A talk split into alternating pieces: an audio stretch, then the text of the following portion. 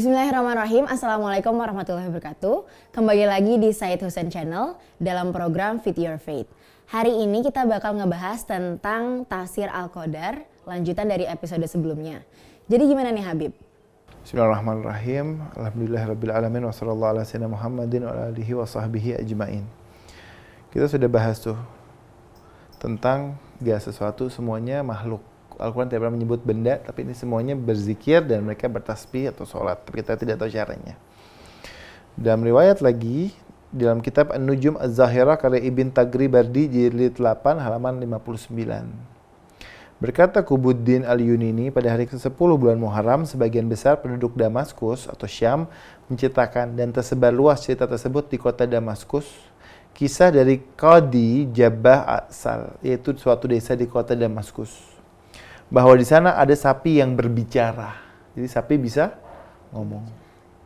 Kesimpulan ceritanya bahwa sapi ini keluar bersama anak kecil lalu meminum air. Ketika selesai, sapi itu mengucapkan Alhamdulillah.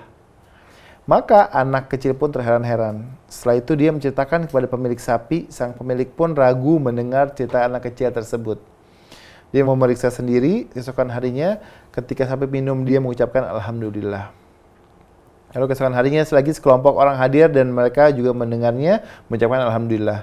Kemudian sebagian orang mengajak sapi itu berbicara. Sapi pun menjawabnya, sungguhnya Allah telah menetapkan bagi umat ini tujuh tahun musim kemarau. Akan tapi dengan syafaat Nabi Muhammad, Allah menggantikannya dengan kesuburan. Dan sapi itu pun menceritakan bahwa Nabi menyuruhnya menyampaikan hal tersebut. Berkata sapi, wahai Rasulullah, apa tanda kebenaranku di sisi mereka? Beliau menjawab, engkau akan mati setelah menyampaikan hal ini.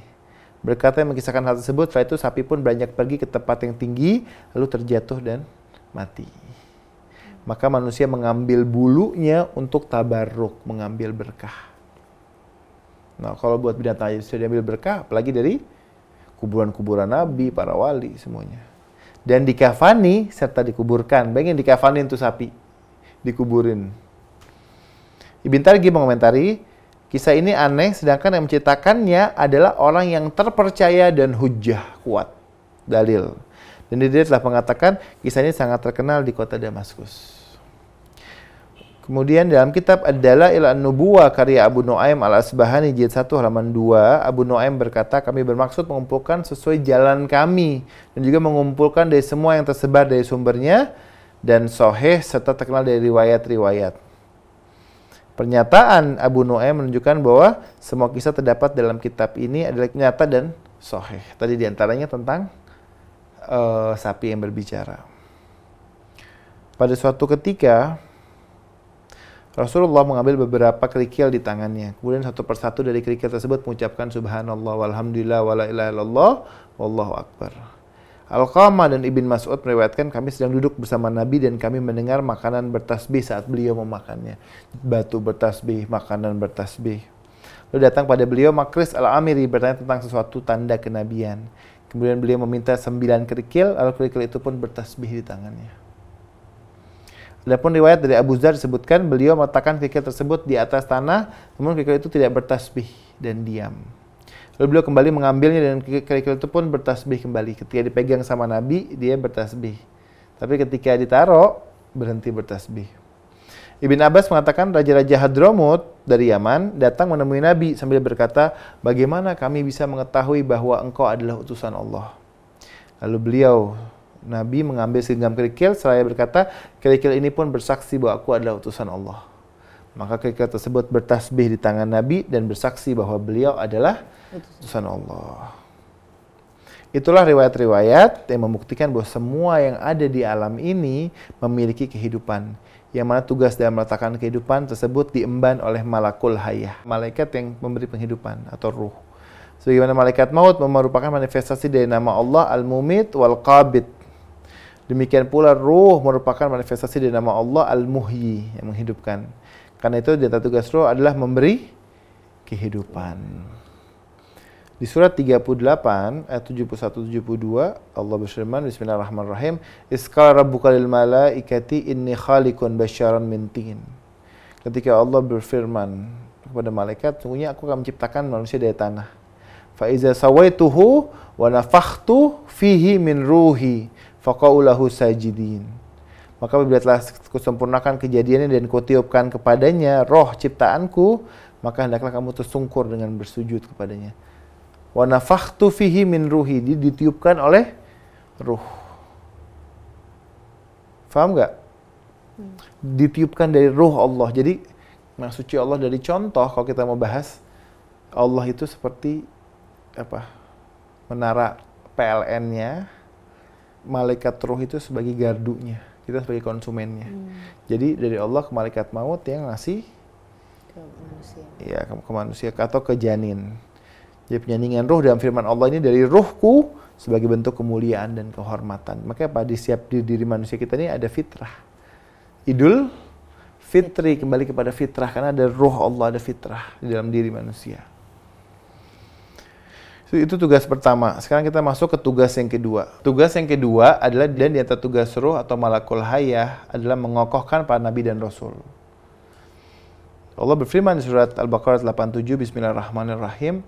Walaqad ataina Musal kitaba wa qaffayna min ba'di birrusuli wa ataina Isa bin Maryam al-bayyinat wa ayatnahu biruhil kudus. Dan sesungguhnya kami telah mendatangkan Taurat kepada Musa dan kami telah menyusulnya berturut-turut sesudah itu dengan rasul-rasul dan telah kami berikan bukti-bukti kebenaran mukjizat kepada Isa putra Maryam. Dan kami memperkuatnya dengan Ruhul Kudus. Maka Ruhul Kudus itu itu yang roh disebutnya malakul hayya, Ruhul Kudus. Al-Baqarah 25:3 Allah juga berfirman Bismillahirrahmanirrahim. Tilka rusulu faddalna ba'duhum ala ba'din. Minhum man kalamallahu wa rafa'a ba'dahum darajat. Wa ataina Isa ibn Maryam al-bayyinat wa ayyadnahu biruhil kudus Rasul-rasul itu kami lebihkan sebagian dari mereka atas sebagian yang lain. Ada nabi yang ulul azmi, ada nabi yang bukan ulul azmi, itu dilebihkan oleh Allah. Di antara mereka ada yang Allah berkata-kata langsung dengan dia, Nabi Musa alaihissalam. Dan sebagiannya Allah meninggikannya beberapa derajat nabi-nabi yang lain dan kami berikan kepada Isa putra Maryam beberapa mukjizat serta kami perkuat dia dengan Ruhul Kudus. Nah, Ruhul Kudus di sini adalah malakul hayah atau malaikat uh, atau ruh tadi itu di atas malaikat atau malakul hayah. Dalam kitab Futuhatul Makkiyah oleh Ibn Arabi, juz 6 halaman 62, terbitan Darul Kutub Al-Ilmiah cetakan kedua tahun 2006 Masehi. Ibn Arabi berkata, tidaklah Al-Mahdi akan menerapkan hukum kecuali dengan hukum yang diberikan malaikat kepadanya. Malaikat tersebut itu Allah untuk mengokohkannya dan hukum tersebut adalah syariat atau hukum hakiki Muhammadi. Betul yang dibawa itu dari Rasulullah dan Imam Mahdi akan sama seperti Nabi Muhammad. Dan diharamkan kias atasnya karena adanya nas-nas yang diberikan Allah kepadanya. Sebab itu Rasulullah bersabda mengenai sifat Al-Mahdi, dia Al-Mahdi mengikuti jejakku dan dia tidak keliru. Ibn Arabi mengetahui bahwa dia mengikuti bukan diikuti. Imam Mahdi mengikuti jejak Rasulullah dan bahwasanya dia Imam Mahdi adalah maksum. Ini menurut Ibn Arabi. Makanya apa diperkuat Isa putra Maryam dengan Rohil Kudus, Imam Mahdi juga sama diperkuat dengan Rohil Kudus. Pertanyaannya adalah, eloh, apa bedanya Imam Mahdi, Nabi Isa kan Nabi dan Ulul Azmi, sedangkan Imam Mahdi tidak. Dalam kemutawatiran kabar yang menyatakan bahwa Imam Mahdi akan jadi imam, Nabi Isa akan jadi makmum. Sudah jelas, makanya Ibn Abi mengatakan dia itu maksum atau suci dan dia lebih mulia dari ulul azmi. Kecuali Rasulullah jelas Nabi nomor satu ya. Tapi Al Mahdi itu lebih mulia dari Isa kan Imam Mahdi yang jadi imam, Nabi Isa yang jadi makmum. Tugas ketiga, sesungguhnya Allah dalam sisi pengokohan dan dengan ruh atau malakul hayah menjadikan seorang mukmin dapat membedakan antara hak dan batil. Surat 58 ayat 22 Bismillahirrahmanirrahim. La tajidu qauman yu'minuna billahi wal yawmil akhir yuwadduna man haddallaha wa rasulahu walau kanu aba'ahum wa abna'ahum wa ikhwanahum wa ashiratahum wa ulaika kataba fi qulubihimul imana wa iyyadahum biruhi minhu. Kamu wahai Nabi akan mendapati kaum yang beriman pada Allah dan hari akhirat saling berkasih sayang dengan orang yang menentang Allah dan Rasulnya. Nggak mungkin kamu dapati Nabi orang yang beriman pada Allah dan hari kemudian tapi berkasih sayang dengan orang yang menentang Allah dan Rasulnya. Sekalipun orang itu adalah bapak-bapak, anak-anak, saudara atau keluarga mereka mereka itulah orang-orang yang telah menanamkan keimanan dalam hati mereka. Ditanamkan iman dalam hati dan menguatkan mereka dengan pertolongan yang datang daripadanya. Apa biru himinhu itu tadi apa dengan malakul hayah atau ruh. Seperti birohil kudus di ayat Nabi Isa ini juga sama. Surat 8 Al-Anfal ayat 29 Allah berfirman Bismillahirrahmanirrahim Ayyuhalladzina amanu in tattaqullaha yaj'al lakum furqanan.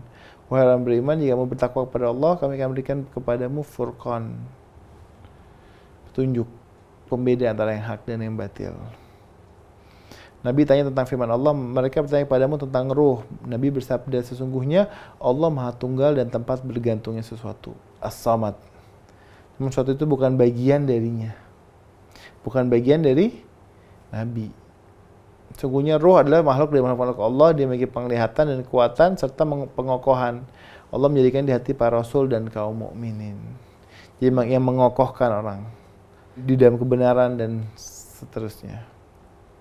Difahami ya? Hmm.